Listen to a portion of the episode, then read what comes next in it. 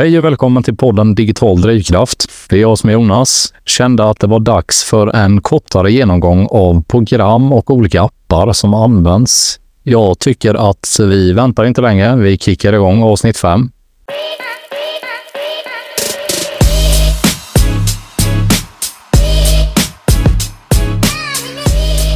Så olika appar och program som man kan ha användning av, eller snarare som jag har haft användning av och aktivt använder mig av. Eh, vi kan börja med det mest basic och eh, då tänker jag tillbaka lite till att den här podden riktar sig lite till folk som nyligen har börjat och ska börja och lite vad de kan behöva känna till. Så att jag tänkte att vi tar en titt först på de olika plattformarna. Eh, jag förutsätter i det här stadiet, i denna dialogen i alla fall, att man har kommit så långt att man har eh, bekantat sig med Shopify. Så att eh, just Shopify som plattform är inget jag kommer diskutera något avsevärt mycket i detta avsnittet. Jag kommer ladda upp lite där jag bygger en butik. Jag har inte riktigt bestämt mig än om jag har tänkt att visa en butik, men åtminstone hur och vad man kan tänka på de byggen. Men olika plattformar för marknadsföring. Det vanligaste som vi känner till i Sverige, det är de flesta tänker på är eh, Facebook eller Meta. I dagsläget har ju även eh, vissa andra aktörer blivit väldigt populära. Men vi, vi börjar med att titta på Meta och Facebook. Eh, Dela det mm, folk lägger mest tid på och Facebook är så mycket mer än vad man från början kunde till synes tro. Man har ju sitt privata konto. Under det kan du ansluta ett BM, alltså en business manager. Under det kan du ha ad accounts och eh, nivån på det ska jag ärligt svara, jag vet inte hur många ad accounts du kan ha. Eh, I början så är det begränsat, men allt eftersom du använder och eh, marknadsför på Facebook så kan du utöka detta då. Och eh, eh, det finns lite olika nivåer och gränser för det här. Jag kommer inte ihåg dem riktigt i huvudet, men det har lite med adspent och lite grejer att göra. Facebook är en väldigt bra marknad för de flesta produkter. Om det riktar sig till hem, yngre, äldre, män, kvinnor, vad den kan tänkas vara. De har lite olika upplägg. Du kan ju göra lite olika kampanjer. Du kan göra engagement-kampanjer, du kan skapa trafikkampanjer, leads, conversion, alltså sales. Och det som är huvud, huvudmålet för oss uh, i denna branschen är ju conversion, alltså försäljning, sales. Och det är ju det vanligaste. Men även på sales så finns det egentligen två olika val. Det är om du vill köra en ABO eller en CBO. Och för de som är nya så pratar man egentligen om du vill köra en Vantage Plus eller en manuell kampanj med eh, manuella intressen och riktad reklam och då är den eh, specificerad efter dina val och kriterier. Vi säger att du ska sälja en hårborste, då kanske du inte vill visa den för eh, folk som är intresserade av bilar eller män som är 60 år, för de har inget intresse av en hårborste helt enkelt. Så att eh, det, här finns det ju rätt mycket att lära sig och vad som funkar bäst personligen det jag har fått lära mig av de jag pratat med som har varit i branschen under en längre tid är att Advantage Plus är inget som funkar på många äldre BM.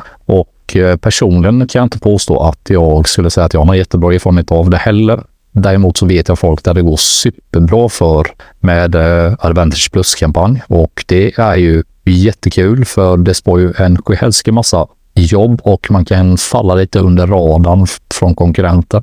För på Advantage Plus så behöver du egentligen bara skala med creatives och höja daglig budget. Men till synes sett när du söker efter vinnande produkter genom olika ställen så ser det kanske bara ut som du har x antal, fem sex annonser igång. Men i verkligheten så har du en enorm budget på de där annonserna och skalar för fullt helt enkelt. Så det är en stor fördel. Eh, I de allra flesta fallen så applicerar jag och kör med, eh, med eh, en IBO Och eh, det är främst för att jag inte haft någon tur med eh, Advantage Plus som egentligen är en CBO som är broad. Och det, det, är lite synd, för man får lägga lite mer arbete. Man får ju dock möjligheter till att kontrollera annonseringen mer i form av vilka som ska se annonseringen eller vilka typ av intressen och individer som visas av det. Så där har vi rätt mycket att gå in i, men det är den främst vanligaste plattformen som de flesta känner till. Något annat som har blivit väldigt stort, som är väldigt snarlikt i upplägg, det är TikTok. Däremot så ser jag och väldigt många andra en stor skillnad på produkter som säljs på TikTok eller på Meta, alltså Facebook. Eh, TikTok är oftast en väldigt yngre målgrupp och eh, produkterna håller oftast ett lägre pris för det är oftast mer trendande produkter. Det är inte så mycket det är inte ofta man stöter på eh, de här dyrare produkterna som du kanske kan se på Facebook eller på Google Ads eller dylikt. Så att eh, ska jag sälja någon trend, trendande produkt eh, som jag inte tror på över tid, som jag inte liksom har tänkt att branda och den passar sig till yngre så är TikTok det självklara valet. Sen har vi även eh, Snapchat, också Eh, yngre målgrupp funkar på samma sätt som eh, TikTok i övrigt. Uh, Ads managern eller business managern uppbyggd på ungefär samma sätt på alla de här tre ställena och där riktar sig oftast till yngre målgrupp med. Jag vet folk som har kört hus och hem till äldre med så, men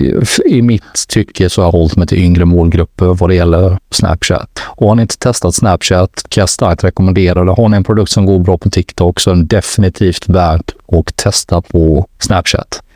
Eh, något jag glömde vad det gäller Facebook går ju hand i hand tanken på att det är Instagram. Så den faller under samma kategori med annonsering som Facebook och även Messenger.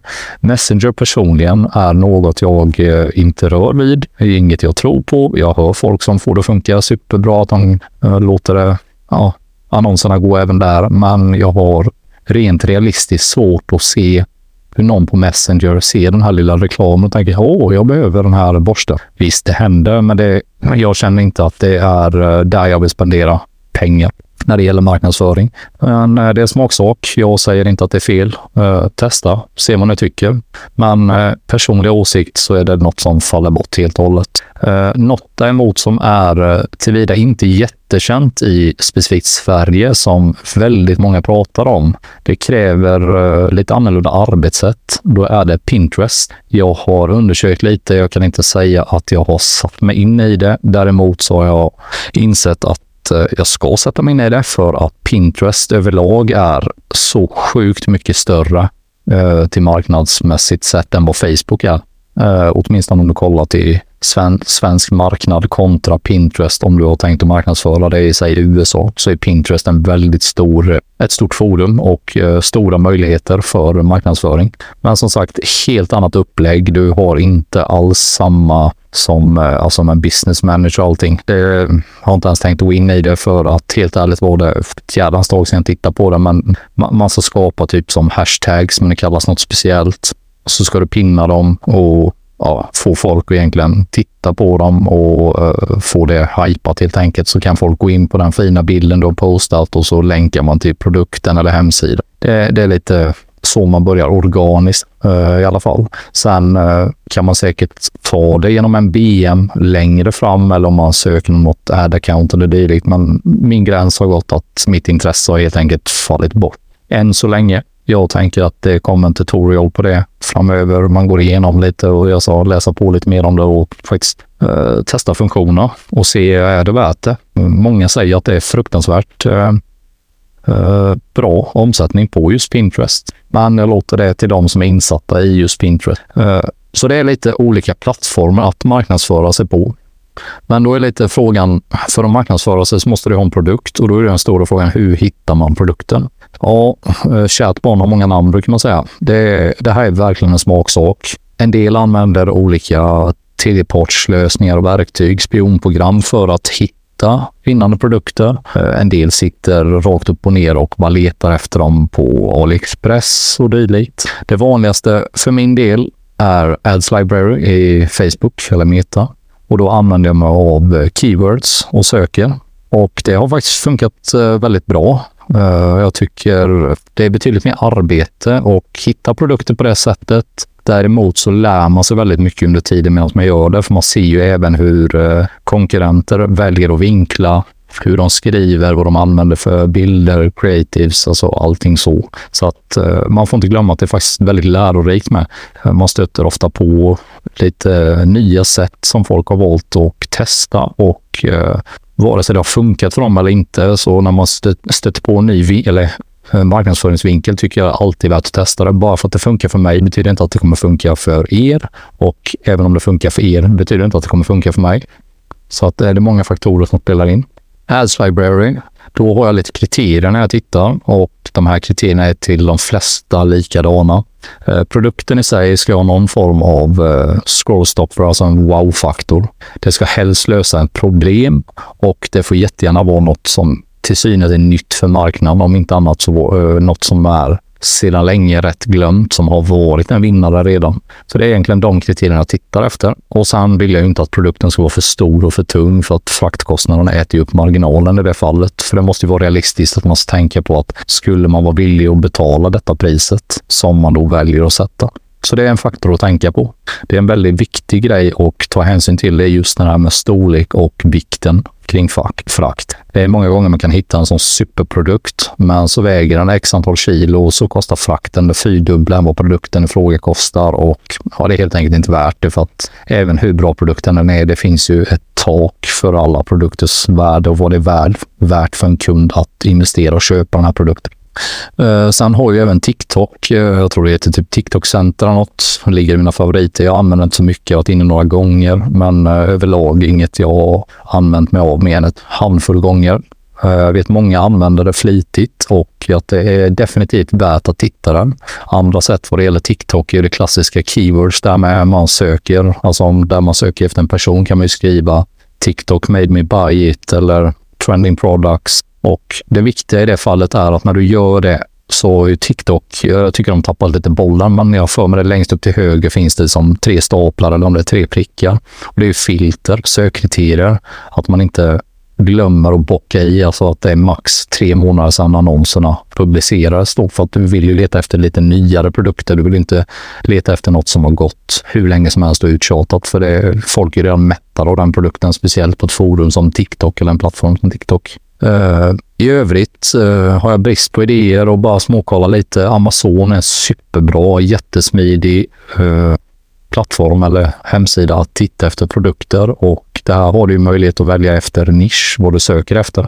De har ju även länkat bästsäljare, så att där kan man få en liten hänvisning. Eh, dock när du ska kolla efter marknadsföringsvinklar så är det totalt katastrofalt. Men eh, för där oftast är det bara lite bilder på produkten, specifikationer, lite mått och ja, you name it. Ofta så är det ju folk inom dropshipping som säljer där igenom. Fast då klassas det inte som dropshipping. Då heter det Amazon FBA för er som är intresserade av att lära er mer om det principen tillfaller dropshipping. Man kan jobba ungefär ur samma sätt på att du köper in bulklager och skickar ner till Amazons lager och sen marknadsför du på deras hemsida och de tar hand om leverans och fulfillment och allting då. Sen tar de procentuellt av det. Då. Men det, det är bra tips. Eh, uh, Keen lika så. Jättebra sida för att kolla. Man kan sö söka efter trendande, alltså hot sales eller vad de kallas då, och nyinkommet och i, enligt nisch. Uh, sen har vi ju självklart AliExpress där de flesta sitter. Eh, har jag väldigt idétorsk och bara är nyfiken på att kika lite så kollar jag AliExpress. Dock så är det ingen bra idé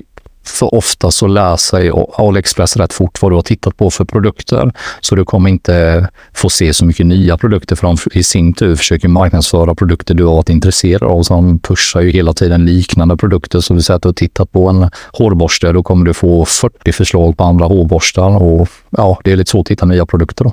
Men det kan vara kul att bara frisöka lite, lite olika keywords, hitta något om man vet vilken nisch man vill hitta till eller man kanske har en butik med vinnare men man vill utöka och hitta något som passar till den produkten och erbjuda mer försäljningar som bandlar den, så är det ju superbra med AliExpress. Eh, det mest givna valet eh, som är eh, väldigt populärt gentemot AliExpress om man är trött på det är Temu. Det har ju blivit oerhört stort och det börjar ju även inverka i den här branschen för de har ju marknadsfört sig så hårt. Alltså de flesta, eller väldigt många, känner ju till just Temu och eh, många gånger så ser de även många av de produkterna vi i våran bransch kanske erbjuder våra kunder. Men så söker man upp dem där istället och hittar dem för en tredjedel av priset. Det man har med sig att Temu har ju kanske inte... Jag har faktiskt provbeställt och köpt en del från Temu bara för att se hur kvaliteten är.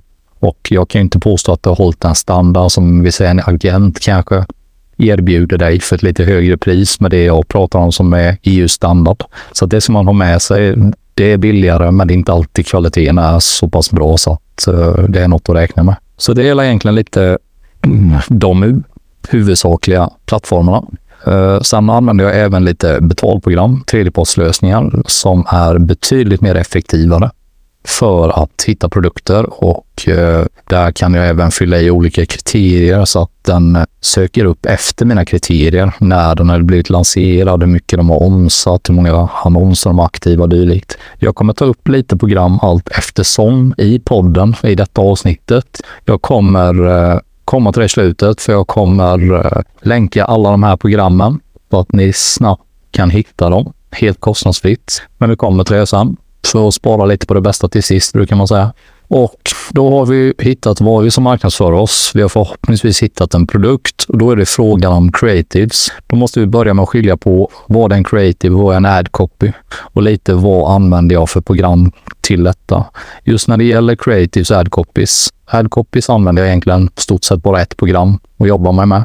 Men vad det gäller creatives så har jag en hel uppsjö med olika program jag använder mig av. För er som har lyssnat på mina övriga avsnitt så vet ni om att jag är en stor förespråkare av AI. Just för att jag tror att hoppar du inte på kunskapen kring AI startskedet, vilket har redan varit, så kommer man landa långt efter. För att AI, det kommer inte ta över jobben, men det möjliggör att man kan effektivisera dem och få dem betydligt mycket bättre än vad du kan utan. Eh, standardprogram som jag använder, självklart Canva. Det är nog eh, en av de bättre, starkare programmen jag känner till rakt upp och ner på marknaden. Det finns så fruktansvärt mycket möjligheter med just Canva. Allt ifrån eh, editering av bakgrund, eh, texter, infoga videos, ljud. Det finns ju mycket som helst. Och det många missar är att Canva är faktiskt bundet till väldigt många andra öppna program och samarbeten så att du har faktiskt ChatGPT även i Canva. Canva bara att de kallar det för Magic Write tror jag. Dock så är det bristande om du ska ha det på svenska men eh, den engelska versionen funkar godtyckligt. Jag tror den är baserad på GPT 3.5 om jag inte är helt ute och cyklar. Sen har ju Canva även en liknande App Store så du kan ju ansluta och koppla hur mycket tredjepartslösningar, program som helst till ditt Canva-konto om du har betalversionen. Betalversionen för övrigt tror jag är typ 119 kronor i månaden. Alltså det, det är absolut inga stora pengar. Det är liksom värt att betala för om du bara gillar att ja, ta schyssta kort och eh, gillar editera för egen skull så skulle jag rekommendera det starkt. Har ni inte kört Canva testa det. Eh, det är ett gudomligt verktyg. Det finns så mycket man kan göra med det. Däremot så är det lite begränsat i avseende med videoediteringar. Eh, så där använder jag självklart ett annat program. Men just bilder, texter till produktsidor och dylikt kan vara helt fantastiskt. Just med ändra storlekar och du kan göra i docs. Du kan bygga hemsidor till och med Canva och lansera. Jag tror i Canva betalbara versioner tror jag du får fem sidor gratis. Och de har templates till allting, så att Canva är så mycket mer än vad folk vet och använder sig av.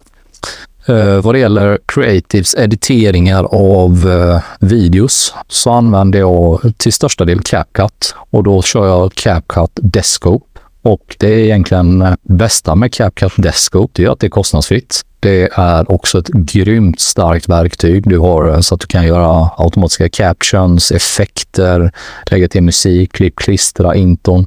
Eh, allt i den här podden egentligen görs genom CapCut och även till marknadsföring. Det finns så sjukt mycket med linseffekter, bakgrundsediteringar och Ja, alltså egentligen allt du kan tänka dig som ett professionellt dyrt betalprogram har. Du kan exportera bara ljud eller bara bild. Du kan välja FPS om det ska vara i 4K, eh, standardmått på storlek på videon eller bilden du håller på med.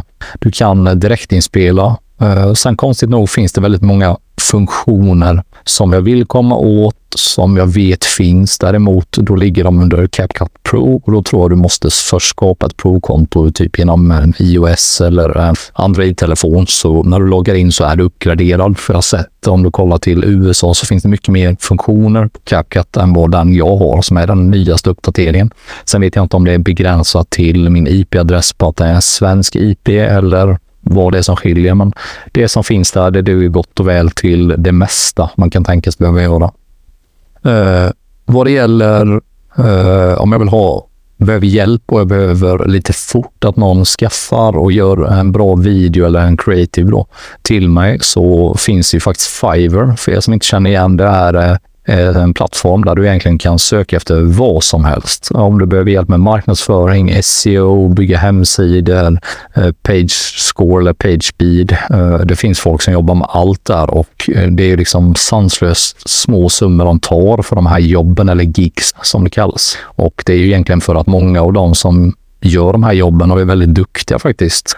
Sitter oftast i typ Indien och Ryssland och lite överallt i hela världen. Så att det är en helt annan timdebitering än vad vi har i övriga Europa. Sen finns det ju självklart de som tar utlösa summor, men då ska vi också räkna med att kvaliteten är en helt annan standard än vad vi kan tänka oss. Många som tar de här stora summorna är faktiskt väldigt duktiga just på Fiverr. Men eh, Fiverr används kanske när man ska skala med creatives, inte hinner själv, så är det en superbra, snabb, smidig lösning. Kan starkt rekommendera. Eh, har ni inget Fiverr-konto, skaffa det. Eh, Frisök lite, stöter ni på problem. Det finns folk till det mesta egentligen. Sen kan jag inte säga att man kan lita på allt och alla. Jag hade aldrig fått för mig att ge upp min Shopify-butik till vem som helst. Då hade jag velat ha rekommendationer, liksom pratat med branschkollegor. Eh, har ni använt någon inom det här och dylikt? Och eh, det är just för att jag är skeptisk och litar inte på folk, speciellt inte när det handlar om ekonomiska aspekter för att man vet aldrig. Eh, sen har jag även vad avser UGC. Självklart så finns det ju kreatörer man samarbetar med och företag som sköter UGC. För er som inte vet vad UGC är så är det User Generated Content och det är ju egentligen att en människa eller individ recenserar produkten du säljer. Det här är något som är bevisat och funkar väldigt, väldigt bra. Det är något som är bevisat att vara väldigt, väldigt bra och funkar väldigt bra på den svenska marknaden. Det är inte bara svenskar det funkar i Norge, Danmark, Finland, överallt. För det skapar tillit och eh, en trygghetskänsla och det är trust som det kallas. Eh, det förr använde jag kreatörer. Eh, när jag testar produkter nu så har jag ett separat program till det. Som sagt, du är inne på det här med AI igen och deepfakes. Och och eh, den utvecklingen är skrämmande. Och eh, för er återigen som inte har satt er in i AI och vikten av AI. Det är verkligen dags att vakna upp och börja plugga på om det. För det, det finns så mycket man kan göra just med AI idag som eh, man kan knappt tro det själv när man ser det. Men bara för att ge er en snabb vinkel på ett program jag använder. Jag tror det har nog inte undgått någon om man kollar till Apples nya Vision Pro. Det är helt ur denna värld. Tekniken har kommit så fruktansvärt fruktansvärt långt och det kan jag säga att det har övriga eh, program också faktiskt börjat göra. Så att det finns hjälpmedel även där. Jag kommer länka ett program Återigen, jag kommer till det senare. Jag spar det bästa till sist. Eh, lite arbetssätt. Jag kommer även eh, lägga upp lite videos på olika program som jag använder så ni får se det. Dock så kommer det vara begränsat med till min Youtube-kanal. För att som det är i dagsläget så kör jag ren ljud på eh, Spotify och Podcaster och vad det heter. Så att eh, men tanken är att brygga över mer och mer till att eh, videopodda genom eh, Spotify och dylikt. Så att eh, jag slipper ladda upp på flera ställen och jag slipper följa mig på flera ställen. Så det är den aspekten. Och eh, när man kollar på voiceovers, det är ju oroväckande ofta man stöter på reklam eller creatives där man har en voiceover och det låter så super illa. Det låter verkligen att det är en dataröst. Eh, det finns ju bättre och sämre program till det här. Många har ju börjat få bättre röster på sina program för att kunna erbjuda sina användare. Och eh, den stora hemligheten där egentligen är eh, de som är bra och de programmen som har bra röster har alla ett samarbete med ett och samma program. Och eh, där köper de licenser ifrån egentligen. Vissa röster som är väldigt kända som nästan alla av er har hört i någon form av eh, review eller UGC eller på TikTok, Facebook. Det är nästan taget från en och samma plattform. Och den plattformen heter elevenlabs.io. Den eh, kommer jag också länka längre ner. Jag kommer göra en tutorial på hur den funkar. Det finns hur mycket olika röster som helst. Det finns väldigt mycket med just den här plattformen som få pratar om och få, eh, jag vet inte varför många inte berättar det, men eh, det finns väldigt mycket kring denna plattformen eh, i form av möjligheter. Men som sagt, kommer komma djupare in på det när jag går igenom på min Youtube. Men jag kommer länka programmet, så där har ni ett superbra program. Det finns eh, begränsad gratisversion och sen är det ju att man får betala för det. Alternativt om man orkar så kan man ju faktiskt lägga nya e-mailadresser om man har den orken. Personligen, det är inga stora pengar så att jag ja, gör som ni vill helt enkelt. För just ad-copyn då. Uh, och ad-copyn, det är ju själva texten som du har under din creative, alltså på din marknadsföring. TikTok är ju väldigt eh, kort ad-copy på, för du får inte ha så mycket. Men om du kollar till Meta och Facebook då, så har du betydligt mycket mer och det finns ju väldigt många olika sätt man väljer att göra en ad-copy. En del använder eh, produktrecensioner, en del jämför för och nackdelar med produkter, en del säljer in med emotionella känslor, alltså varför, hur man kommer må av att köpa, ha den produkten och hur den underlättar ens liv. Inget är bättre och sämre. Det jag starkt rekommenderar att man får in humor i en ad-copy så genererar den ofta mycket, mycket mer. Och det avser även din creative marknadsföring som ger skapar glädje. Uh, funkar faktiskt fruktansvärt bra. Det är ju inte ofta man vill bli ledsen och köpa grejer. Så jag inte säga att inte det funkar, för då är man inne på det som kallas pressure points. Och det kan ju vara egentligen att man säljer en produkt för att skydda någons familj, hund, barn, den vinkeln funkar jättebra också. Däremot eh, inget jag personligen använder mig av så. Eh, håller mig hellre till lyckokänslorna och eh, säljer genom det. Men det funkar. Eh, program vad det avser just ad-copying, ChatGPT, utan tvekan det bästa programmet på marknaden som finns i mitt tycke.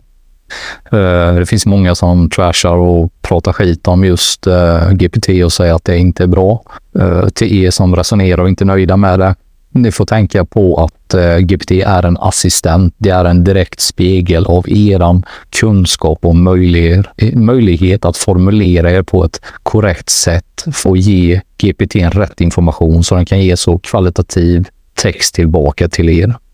Jag väljer att se GPT som en egen assistent, för det är så man ska se det. Den ska inte göra jobbet åt dig. Eh, det är jättebra om man sitter, man har en produkt och man kanske inte vet, man vill skala vidare. Första tanken, hårborsten, ja men det var, det var främst till tjejer då. Men då kan vi fråga GPT, liksom, vilka mer skulle kunna ha nytta av en, vi säger hårborste kan du få upp en lista med olika förslag och olika motiveringar kring varför och vilka problem de eventuella kunderna skulle kunna tänkas ha så att man kan få fram ny information och eh, hjälp därigenom. Men då är det viktigt att belysa att detta resonemang jag för förutsätter att man har betalversionen på GPT 4.0 eh, just på grund av att den är så mycket mer avancerad än vad 3.5 är. 3.5 tror jag är begränsad till, om jag inte missminner mig, typ november 22. Efter det så vet den egentligen inte vad som har hänt i omvärlden om jag inte är helt ute och cyklar. Uh, behöver inte kommentera, ta det med en nypa salt. Uh, jag vet bara att den är begränsad till äldre data. Medan betalversionen kan du faktiskt ansluta till internet, be den analysera URL-länkar och eh, leta fram information. Men som sagt, informationen som kommer fram är inte alltid hundra pålitlig. Man måste alltid dubbelkolla den. Just för att eh, GPT är som eh, världens bästa kompis. De vill alltid vara snälla och eh, ibland är det lättare att vara snäll och säga vad någon vill höra istället för vad man behöver höra. Så funkar GPT lite också. Man pratar om böken i programmet. Eh, att den eh, hittar på grejer helt enkelt. Den börjar ljuga för dig. Eh, och det är egentligen för att jag har sett många exempel där man liksom frågar, men ge mig en analys om kriget som pågår i Ukraina eller vad som helst. Och eh, jag vill att du bifogar eh, källor till den här analysen och hur du har letat fram den och så. Och då börjar den stapla upp, men så följer man den länken och går in på den och då kommer du till något helt annat om ens länken finns. Så att man måste alltid kontrollera och vara noga med att dubbelkolla arbetet den gör. Eh, som sagt, det är en assistent. Om jag anställer en assistent, om jag är en chef, då förlitar jag mig inte på att den assistenten gör ett bättre jobb än mig och varför skulle jag göra det med GPT? Så man måste alltid dubbelkolla den här assistentens jobb och vad den har gjort så att det faktiskt stämmer, som inte eh, sitter och blåljuger och hittar på grejer helt enkelt. Men det är väldigt bra, eh, ett bra bollplank så att jag rekommenderar starkt. Eh, det jag kan rekommendera er mer, det är att läsa på om prompt det är ju direktiven du ger GPT och hur man ger dem och vad man vill få ut av dem. Och desto mer information du ger GPT, desto mer korrekta och ärliga svar får du. Sen ska man försöka hålla det till en viss dialoglängd. Eh, man hör lite olika där. Jag har varit på föreläsning med Johan Falk. Eh, han är AI-expert här i Sverige och han eh, pratade mycket om det här just med att GPT kan ljuga så man får dubbelkolla. Men sen pratar han även om att man kan sitta liksom och prata hur länge som helst med GPT och bolla idéer. Min erfarenhet är faktiskt helt annorlunda. Det kan man inte. Och det kan man inte på grund av, och det jag har märkt är att och det jag har läst är egentligen någonstans, det är ett visst antal förfrågningar eller frågor man kan ställa innan de här spökena i programmet börjar komma. För många pratar om att GPT har ett, när, eh, ett form av närminne. Och eh, jag finner det högst realistiskt för att den, alltså den behandlar ju fruktansvärt mycket data, så varför skulle den komma ihåg så mycket, eller på sig. Men tanken på när den börjar ljuga för mig är oftast när jag haft längre dialoger. Så att jag, jag försöker se det som att GPT har det här närminnet och att den kommer inte komma ihåg vad vi pratar om 60, 70, 80 frågor och rader upp. Då öppnar jag en ny chatt och fortlöper om det inte är absolut något specifikt. Om inte annat så påminner jag den om vissa aspekter som jag tycker är viktigt. Eh, jag kan be den översätta vissa grejer och då skriver den på samma språk som jag skrivit det och då svarar jag bara att jag vill att du skulle översätta den till detta och då får man alltid förlåt och sen har du tur översätter den då, annars så öppna en ny chatt och så börjar om. Så, så det är lite att tänka på där med. Och eh, något vi ändå ska beröra det är ju självklart vilka appar har jag användning av i Shopify? Och det är faktiskt inte så många skulle jag vilja säga. Eh, jag har eh, vissa program till det med. Vissa program jag inte kommer dela med mig av för att eh, de är för bra helt enkelt. vissa hemligheter måste man ha. Eh, en del program kommer jag länka och eh, kommer dela med mig av som underlättar. Jag jobbar väldigt annorlunda än vad väldigt många av er gör när det gäller att bygga eh, vissa saker och hur jag bemöter problemen. Men jag får se lite, men jag har inte riktigt bestämt mig. Vissa grejer kommer jag berätta, vissa inte. Så enkelt är det. Och kommer jag berätta det så blir det lite längre fram. Så att eh, vi håller lite på den. Som sagt, man måste ju ha vissa grejer att hålla på. Eh, men appar i Shopify Eh, uh, bandelappar. Ett måste. Eh, det finns egentligen två jag använder mig av. Eh, den jag använder oftast av, den är lite billigare med, lite simplare, men de utvecklar den hela tiden och supporten är gudomlig. Det är Pennywise. Det är en bandelapp. Jag tror den kostar 100-110 kronor i månaden. Gratis visst antal dagar. Och alla de här apparna kommer jag skriva med och länka också.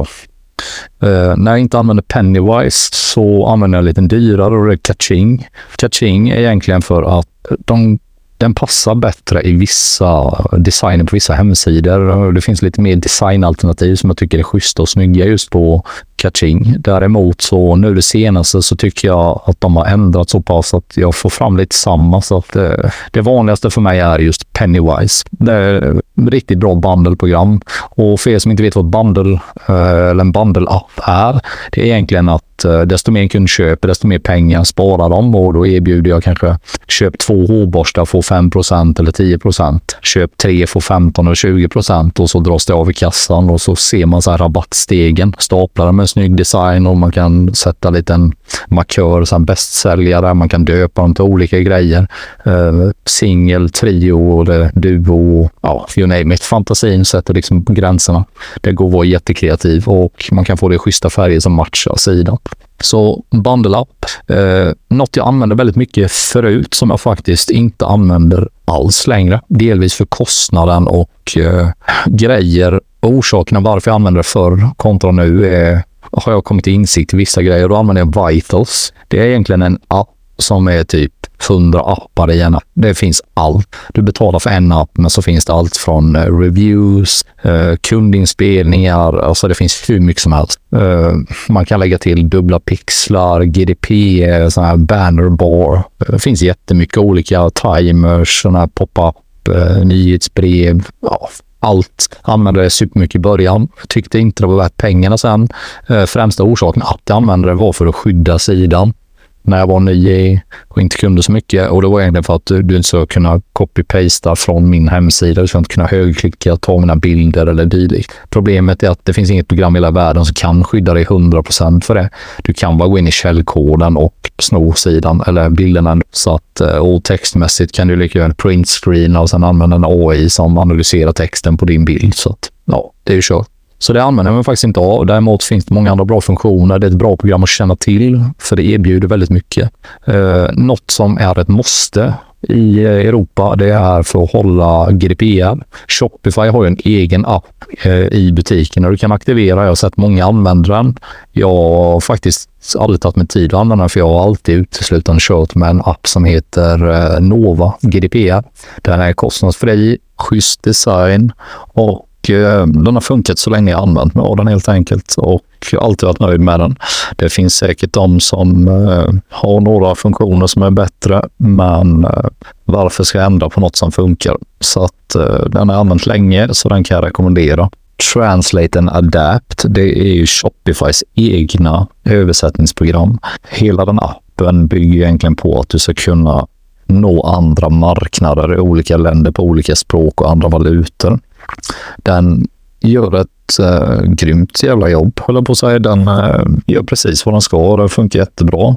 Äh, problemen jag stött på med det är när man använder lite avancerade eller snarare mer avancerade teman eller avancerade sätt att bygga sina sidor, vilket jag emellanåt gör med att jag kodar in grejerna just för att hålla hastigheten på sidan mer effektiv istället för att jag eh, skriver och editerar allt genom customization under, alltså inne på online shop och gå in på anpassa där du bygger sidan. På det sättet bygger inte jag mina sidor. Uh, inte överlag i alla fall. Jag gör lite annorlunda i vissa aspekter för att hålla upp uh, just hastigheten på sidan. Men eh, då klarar inte Translate och Adapt, alltså Shopifys egna översättningsprogram, att översätta det eftersom det har blivit inkodat. Jag vet inte varför, men då har jag fått förlita mig på lite betallösningar som är AI-baserade och det har funkat jättebra. Däremot så är de ofta lite dyrare. Sen eh, har jag egentligen bara en sista jag använder mig eh, frekvent av, eller frekvent eller synes att men har gjort vissa gånger har jag någon sida jag håller på och bygger eller designar och eh, det är kanske någon funktion som saknas som jag hade velat ha just det här temat som inte finns original eller som inte är inkodat från kreatören så uh, finns det en app som heter Section Store. Uh, de har en rätt stort utbud av olika funktioner som man egentligen kan köpa om man till exempel kollar på alltså kundrecensioner som rör sig med bilder eller bara text och stjärnor. Och det kan vara announcements bar som du kanske vill lägga i mitten på sidan som har liksom text som går från vänster till höger, liksom loopar hela tiden. De har lite allt möjligt. Eh, väldigt schysst design och sen har de även sådana här jämförelsefunktioner som man kan designa själv, men eh, det, det är inte, jag får det inte lika snyggt som de mot eh, killen som har det, eller designat den appen. Jag tycker han är jävligt grym på det han gör och har varit nöjd med det. Sen har jag varit med om vissa brister i det när eh, man lägger till att det inte riktigt funkat. Så har jag fått be han om hjälp. Så går han in på min sida och editerar det. Och när jag säger att han går in på min sida, då kan man ge samarbetspartner eller sån här, det heter något, jag kommer inte ihåg på engelska, men man ger behörighet för utvecklare att uh, gå in och ja, fixa på sidan helt enkelt. Så då efterfrågar han en behörighet eller han skickar en förfrågan och den accepterar man. Sen går de in och fixar till problemen man har. Då. Och det har han alltid varit väldigt snabb på och eh, väldigt hjälpsam. Så där, där är jag jättenöjd och kostnadsmässigt så är det så liten kostnad. Säg, vi leker med tanken att jag vill köpa den klassiska som jag har haft på flera butiker, en eh, rullande announcement bar. Alltså inte den vanliga som bara byter text var 50 sekund. Mm, nu menar jag en text som och alltså den rullar från vänster till höger, typ fri frakt i januari eller vad som helst. Lite snyggare så och så man kan ändra storlek, färger och font och lite grejer. Så tror jag för mig han brukar ta 9 USD för det och du betalar bara en engångskostnad. Det är liksom inget abonnemang som fortlöper. Så att det, det är faktiskt, eh, jag tycker det är värt pengarna om man har en schysst bindande produkt och man vill designa lite schysstare sida. Så ett bra alternativ för att få det här lilla extra specifikt till en väldigt liten kostnad. Så jag kan starkt rekommendera.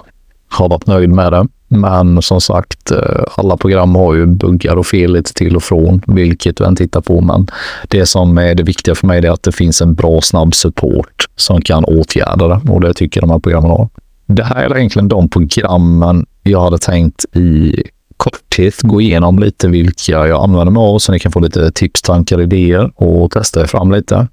Sen använder jag självklart andra grejer, tredjepartslösningar, sånt som jag inte valt att lyfta i detta avsnittet. Men jag tänker att eh, jag kommer köra ett helt avsnitt lite längre fram när eh, det kan vara lite mer givande och eh, jag har fått lite mer lyssnare så att det faktiskt finns en liten större skala som kan ta del av de här sätten jag har eh, hittat och eh, lösa vissa problem på. I det här avsnittet, det som är nytt som eh, inte har funnits innan är att i beskrivningen eller avsnittsbeskrivningen så bifogar jag en länk till en, en Discord-community.